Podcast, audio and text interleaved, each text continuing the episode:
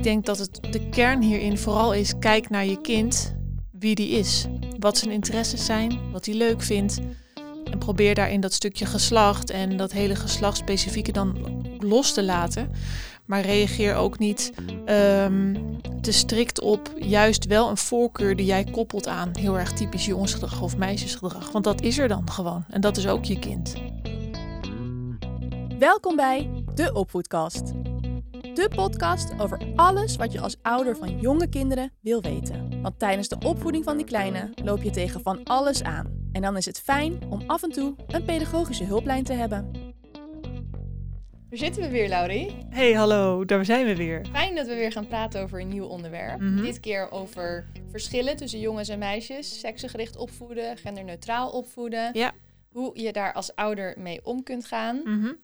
En ik denk dat het meest herkenbare voor dit onderwerp bij mensen nog wel is dat er tegenwoordig in de winkels nog steeds overal meisjeskleding en jongenskleding hangt. Ja, dat zijn gewoon twee verschillende afdelingen.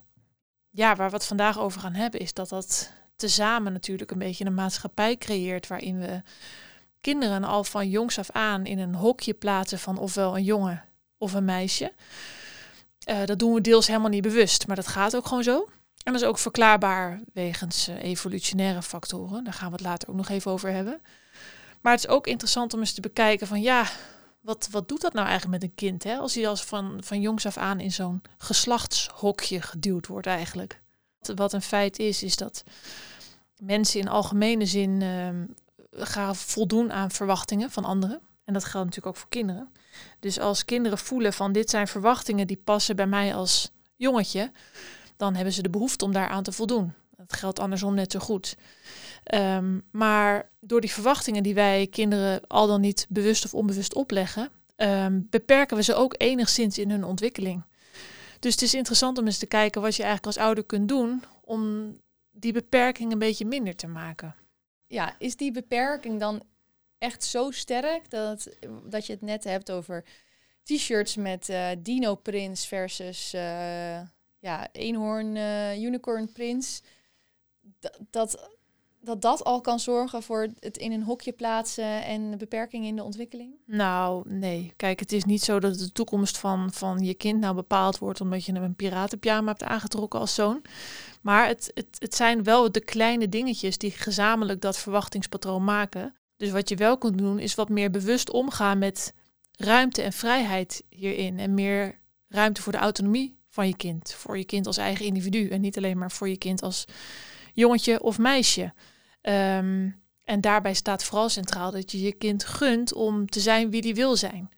Nou, daar En, gaan we het eh, vandaag over hebben. Daar gaan we het vandaag over hebben. Precies. Ja, dan gaan we gelijk naar de eerste luisteraarsvraag. Ja. Eh, want eh, op een van de vestigingen van Company was er een ouder met de volgende vraag. Zij zegt, ik wil mijn dochter van 2,5 graag zo genderneutraal mogelijk opvoeden, zonder er heel erg panisch over te doen. Hoe kan ik dat het beste aanpakken? Waar moet ik beginnen? Ehm, ja. Nou, ja, panisch overdoen.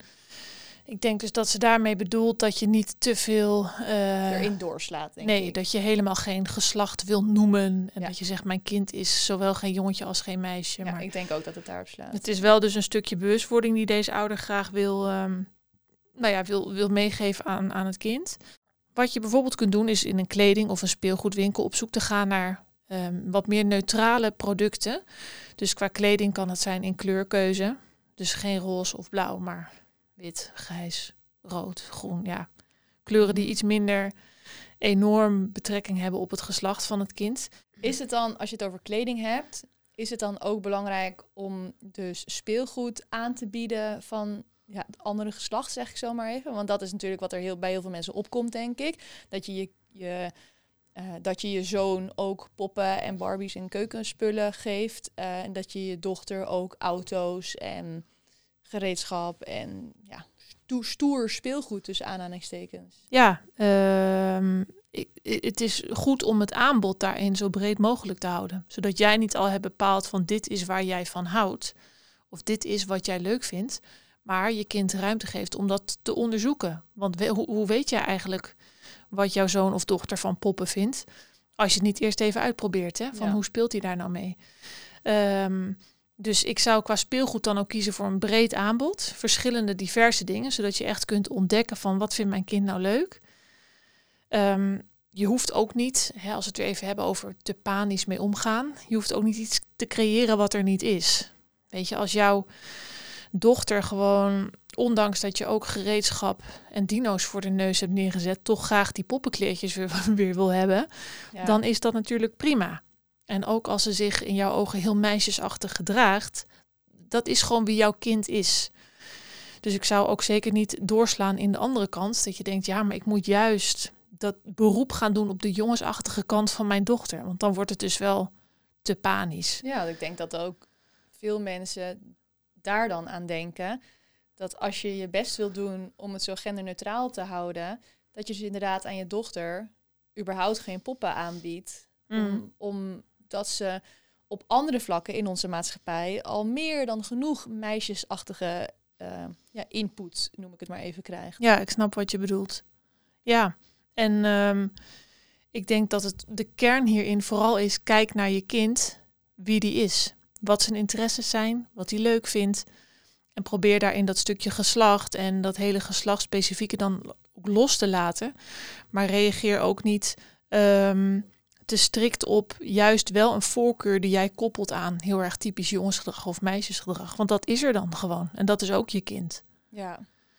En zijn er op emotioneel vlak ook dingen waar je genderneutraal in kunt zijn? Want ja, meisjes zijn, eh, ik chargeer nu hè, maar meisjes eh, die worden over het algemeen in onze samenleving veel liever en schattiger gevonden. En jongens die zijn meteen stoer en cool. En Ja, nou daar kun je zeker op letten. Want ik denk dat een deel eh, van hoe wij als ouders onze kinderen aanspreken, dat dat onbewust gebeurt, maar dat dat ehm, wel soms zorgt voor een bepaalde verwachting in een rol. Inderdaad, wat je zegt, jongens worden gewoon vaker aangesproken met wat heb je dat knap gedaan of wat stoer van je of wat durf je dat al goed. En tegen meisjes wordt vaker gezegd iets over hun uiterlijk. Wat, wat ben je mooi, je een mooie jurk aan, wat ben je knap, wat heb je mooie lange haren. ja, Ehm, daar kun je je zeker bewust van zijn. Van hoe spreek ik mijn kind eigenlijk aan? Ehm, en verwacht ik dat mijn zoon minder huilt dan mijn dochter? Omdat huilen nou eenmaal bij meisjes meer geaccepteerd is. In dat soort kleine dingetjes zit het hem uiteindelijk wel. Er is ook een heel eh, interessant experiment gedaan, een Brits experiment, waarbij een jongetje werd aangekleed als een meisje en een meisje als een jongetje. En de testpersoon was daar niet van op de hoogte. En die werd in een ruimte gezet met een van die kinderen ehm, om met het kind te spelen. En je ziet dan dat ehm, het kind wat is aangekleed als een jongetje, dat, die, ehm, dat daar dus ook ruiger mee wordt gespeeld. En dat eerder Ja. de ballen en de auto's worden gepakt. En het kindje wat als meisje is aangekleed, daar wordt op een hogere toon tegen gesproken. Er wordt zachter mee omgegaan. zonder dat ze die kinderen dus eigenlijk kennen, Zonder dat ze de kinderen kennen, vullen ze het al in. puur gebaseerd op hun geslacht. En daar werd dus aan waarvan ze denken dat het geslacht is eigenlijk. En in ja. beide gevallen ging het kind gewoon mee in het spel. Dus ook het meisje wat aangekleed was als jongetje, die Ja. ging mee in het wilde spel. Ze hadden gewoon plezier. En er werd achteraf in het experiment dan dus verteld aan de testpersoon van... joh, je had eigenlijk een meisje voor je of een jongetje, et cetera. Ja, het is heel interessant wat dus mensen, niet alleen ouders, gewoon de maatschappij doen... met een voorbedacht beeld van het kind is een jongetje of een meisje. Ja, nou inderdaad. Ik denk dat als ik jou zo'n beetje hoor, dat eigenlijk de kern van jouw antwoord op deze ouder wel is dat je dus je kind eigenlijk gewoon alles moet aanbieden en zelf de ruimte en vrijheid moet geven om, om eigen keuzes te maken. Ja. Dat je moet kijken naar de persoon die het kind is. Ja, dat is uiteindelijk eigenlijk de kern. Ja. Klopt. Laten we doorgaan naar de tweede luisteraarsvraag. En deze tweede luisteraarsvraag komt van de partner van de vorige luisteraar. Deze vader die vraagt: ehm, Ik hoor om me heen heel veel dat het heel goed is om je kind genderneutraal op te voeden. En mijn vriendin wil dat ook heel graag doen. Maar is het niet gewoon allemaal een beetje onzin? Ja, want zijn zoon is een jongen. Ja, en Ja. zijn dochter is een dochter. Ja, En, ja. en zijn dochter is een meisje. Ja, niks mis het- mee. nee. Nee, Moet je daar nou echt iets mee doen als ouder? ja, weet je, ik snap, ik, ik snap wel waar deze vader vandaan komt. Daar, er is ook helemaal niks mis mee. Hè, jouw, jouw dochter is een meisje, je zoon is een jongen. Kijk, en letterlijk betekent genderneutraal opvoeden dat je je kind dus zonder geslacht opvoedt. Dat, dat is eigenlijk de letterlijke betekenis. En dat, Zijn zij eigenlijk een beetje ongenuanceerd in deze aflevering? ja. En kijk, daar kan je van alles van vinden. Hè, daar kan je helemaal achter staan of je kan het echt totale onzin van vinden. Nou ja, daar, Ja. zijn, daar kan je Er zijn honderden er heel meningen- veel meningen over. En er zijn inmiddels ook heel veel onderzoeken over Ja. gedaan. Ja, ja, ja. Maar waar, waar we het net over hadden, is waar het eigenlijk om gaat dat je je kind probeert te bevrijden van de rol. En dat klinkt misschien een beetje zwaar, bevrijden, maar daarmee bedoel ik dat je een beetje losmaakt van de verwachtingen en de rolpatronen die bij een bepaald geslacht horen, omdat die vanuit de maatschappij zijn, zijn opgelegd. Ja. En dus eigenlijk van jongs af aan misschien een beetje ook opvoeden en voorbereiden op dat je dus niet altijd ehm, hoeft te leven naar waar de maatschappij jou heen stuurt. Ja. Dat Ja. is dan een beetje jouw rol als ouder hierin, Ja. als ik je goed begrijp. Ja, dus hoe doe je dat? Ehm, nou, bij iets oudere kinderen ga, ga het gesprek eens aan met je kind. Bijvoorbeeld, mijn zoon, eh, sinds hij naar school gaat, komt hij met allerlei uitspraken thuis. Waaronder ook op een dag. Jurken zijn voor meisjes, toch, mam? Nou, dan kan ik reageren met ja, dat klopt. Ik kan zeggen nee, dat is onzin. Ik kan er ook tussenin gaan zitten en zeggen waarom denk je dat? Vertel eens vragen stellen van hoe kom je daarbij? Of, eh, wat vind jij daar zelf van? Weet je wel, om gewoon wat meer informatie te krijgen in plaats van meteen heel stellig te zijn in van nee, dat is grote onzin. Jurken zijn ook voor jongens. Ook al vind je dat wel, maar daar gaat het dan even niet om. Stel vragen. Ehm, en belangrijk hierin is ook, en dat vind ik zelf soms ook wel confronterend als ouder, ehm, wees je bewust van je eigen valkuilen en patronen hierin.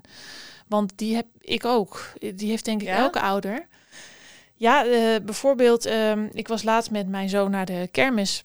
En toen mocht hij eh, eentjes eh, vangen uit zo'n bak met Oh water. ja, zo'n ouderwets eh, ja, Ja, hengel. eh. Ja. En dan hengel je zes eentjes uit de, de vijver. En dan mag je gewoon elke prijs kiezen die er hangt. En toen hoorde ik mezelf dus tegen hem zeggen... Wil je die brandweerauto of wil je die, die dino die daar hangt? En toen zei hij... Nee, ik wil die roze koets met die paarse pony. toen dacht ik, ja, wat zeg ik nou eigenlijk? Ja, dan stuur je hem toch Ja, zonder bij na te denken. Heel, en dat was echt zo'n bewustwordingsmoment dat ik dacht, ja, zie je, ik doe dit dus ook. En toen zei ik, oké, dat is helemaal goed. Nou, en nu zit hij af en toe lekker op de bank eh, de staart van zijn pony te kammen. Ja, prima. Maar ik, het was dus niet in mij opgekomen om dat aan hem voor te stellen. Ja, Dus dan heb ik eigenlijk heel veel van hem geleerd, omdat hij daar niet naar luisterde. Dus ik vond het eigenlijk heel mooi dat hij niet zich liet leiden door mij. Maar hij had zijn oog laten vallen op die paarse koets. ja. Toen dacht ik, oh ja, nou kijk, dat is dus weer een leermomentje voor mijzelf. Ik denk Leuk. dat elke ouder die, ehm, die leermomentjes wel heeft. Zijn er ook bepaalde aspecten, eh, ontwikkelingsgebieden bij jongens en meiden waar wel echt verschil in zit en waar je als ouder wel rekening mee moet houden of op in kunt spelen? Ja, zeker. Kijk, veel verschillen tussen jongens en meisjes, die zijn er gewoon. Die zijn evolutionair bepaald, die zijn aangeboren. En dat heeft onder andere bijvoorbeeld te maken met de hormoonhuishouding. Eh, Ja. Jongens maken meer testosteron aan, meisjes meer progesteron. Dus dat is, daar kan je niet omheen. Dus, eh, Dat is gewoon een feit. Ja. Ehm, Maar ja, wat betekent dat dan voor ontwikkeling en opvoeding? Ja, nou ja, dat leidt onder andere tot verschil in karaktereigenschappen. Ehm, maar dat is niet vaak zo zwart-wit als dat het dan lijkt. Hè? Want het jongetje of het meisje, ja, dat, dat, daar zit zo'n breed scala in Ja. qua gedrag en eh, karakter. Een voorbeeld daarvan is dat meisjes bijvoorbeeld al van jongs af aan veel meer gericht zijn op gezichten. En jongens veel meer op voorwerpen. Oh, Meisjes interessant. kijken gra- eh, liever naar gezicht. Jongens kijken liever naar een object. Ehm, in speelgoed hebben meisjes over het algemeen eerder een voorkeur voor zachte kleuren en voor zacht speelgoed. Knuffeltjes, lapjes, doekjes. Jongens die hebben weer meer voorkeur voor felle kleuren en harder speelgoed, wat harder aanvoelt. Eh, Dit is gekomen uit een onderzoek bij baby's of Ja, zo? ja, bij baby's. Ja. Ehm, en ook bij speelgoed is gebleken dat jongens weer meer voorkeur hebben voor bewegend speelgoed. Dus bijvoorbeeld ballen die rollen, auto's die kunnen rijden. ehm, en bewegen zelf ook weer meer. Dus jongens die zijn op jongere leeftijd vaak al actiever. Hè, met schoppen en ehm, voetjes trappelen, handen, armen bewegen. Ehm, en dat is bij meisjes ook weer anders. Terwijl ze wel vaak meisjes soms qua lopen bijvoorbeeld net weer wat sneller zijn qua motoriek. Maar die voorkeur voor bewegend speelgoed en fysieke bewegingen, dat zit er bij jongens al van, vanaf jongere leeftijd eigenlijk meer in. Ja. Ehm, nog een voorbeeld is dat meisjes al vanaf jongs af aan beter zijn in het imiteren van menselijke interacties. Dus dat zie je heel erg terug in het rollenspel. Ja. Dat meisjes vaker Vader en moedertje Ja. spelen. kopje thee inschenken. Ja. Ze snappen het eerder, ze pikken het eerder op, dus ze spelen het ook eerder na. En ehm, dat zit hem ook weer in het verschil in die hersenhelften. Want bij meisjes is de linker hersenhelft beter en eerder ontwikkeld. Ehm, en daar zit bijvoorbeeld ook heel erg dat talige.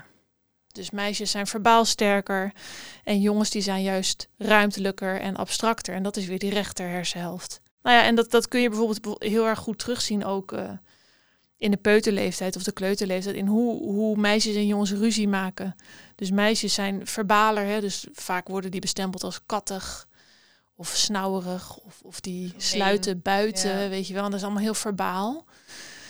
En jongens gaan eerder slaan, vechten, duwen, Ja. ruwer zijn. En eh, Ja, maar zijn deze voorkeuren en waar ze ook ehm, ja, lichamelijk dus daadwerkelijk eh, of mentaal beter in zijn, dan wel niet beter, moet je daar dan dus ook op, als ouder op inspelen? En dat kan dan enerzijds juist zijn, oké, jongens hebben eh evolutionair gezien die voorkeur, dus daar ga ik in mee. Mhm. Of zeg je juist, eh, als je het over motorische dingen hebt of over mentale dingen, eh, daar is, zijn meisjes of juist jongens beter in. Dus ik doe mijn best als ouder om dat extra te gaan stimuleren. Ja, ik denk allebei. Dus enerzijds kan het je helpen om je kind beter te begrijpen als die bepaald gedrag of bepaalde karaktertrekken heeft waarvan je denkt, oh ja, dit heeft ook wel degelijk te maken met hoe zijn, eh, zijn, zijn hersenen en zijn fysieke gestel zijn ontwikkeld. Ja. Ehm, je kunt er inderdaad ook voor kiezen om te denken, dan ga ik me meer richten op het stimuleren van het andere, minder ontwikkelde deel. Ehm, maar dan komen we weer terug bij het begin. Het, het gaat uiteindelijk vooral om zie je kind om wie die is. Dus ga ook niet te geforceerd proberen iets eruit te halen wat er wel is, maar gewoon waar je kind minder beroep op doet, omdat hij daar Ja. minder interesse in heeft of dat het gewoon niet zijn voorkeur heeft. Ehm, dus ja, wat, wat kun je hiermee als ouder toch vooral je kind zien als individu, ondanks zijn geslacht. Het betekent niet dat je helemaal moet negeren dat je kind een jongen of een meisje is, maar probeer, er, probeer er een beetje omheen te kijken. Ja. Ja, wat ik net ook al zei, het, de standaard jongen of het standaard meisje, dat bestaat gewoon niet. Er zit zo'n breed scala in gedrag, karakter, uiterlijk. Ja, dat kan alle kanten op. ja. Kijk vooral gewoon naar wat jouw kind graag wil. En als dat een typische meisjesactiviteit is, dan is het prima. Maar ehm, bied ook eens wat anders aan. En kijk eens even hoe je kind daar dan weer op reageert. Tot slot, kijk ook nog nogmaals naar je eigen rol als opvoeder hierin. Ehm, het is ook gebleken uit onderzoek dat moeders nou eenmaal beschermender zijn. Dus vaker zeggen, pas op, kijk uit, niet te hoog. eh, en dat vaders wat wilder en wat ruwer zijn. ja. Ehm, Wat ook weer die rollen in de samenleving Ja, klopt, bevestigd. bevestigt. Ja. Dus wees daar ook bewust van.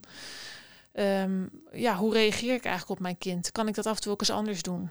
Ehm, of kan ik proberen om een keer mijn mond te houden? Of juist het tegenover te zeggen. hm, Of juist het tegenovergestelde te zeggen van wat ik eigenlijk wil zeggen. ja. Eh, ja, kan ook wel helpen. Het zit hem in kleine dingetjes. Het zit hem in kleine dingetjes, ja. Nou, daar laten we het dan bij, Laudi. Ik denk ook echt dat je wel een duidelijke kern in je verhaal had. Gewoon kijken naar jezelf als ouder. Bewustwording van hoe je het nou eigenlijk doet. En zowel dus jezelf als je kind vooral heel erg de ruimte geven om Te zijn Ja, wie die wil te zijn. kiezen en ja, te zijn wie je wil zijn. Ja. En ik het wil nog eigenlijk wel een mooie afsluiten. Maar Bij Company zeggen we altijd: het mooiste wat een kind kan worden is zichzelf. En dat vind ik hier eigenlijk wel heel erg mooi bij passen. Vind ik ook. Dus eh, dan houden we het daarbij. Sluiten we daarmee af. Tot de volgende keer. Tot de volgende keer.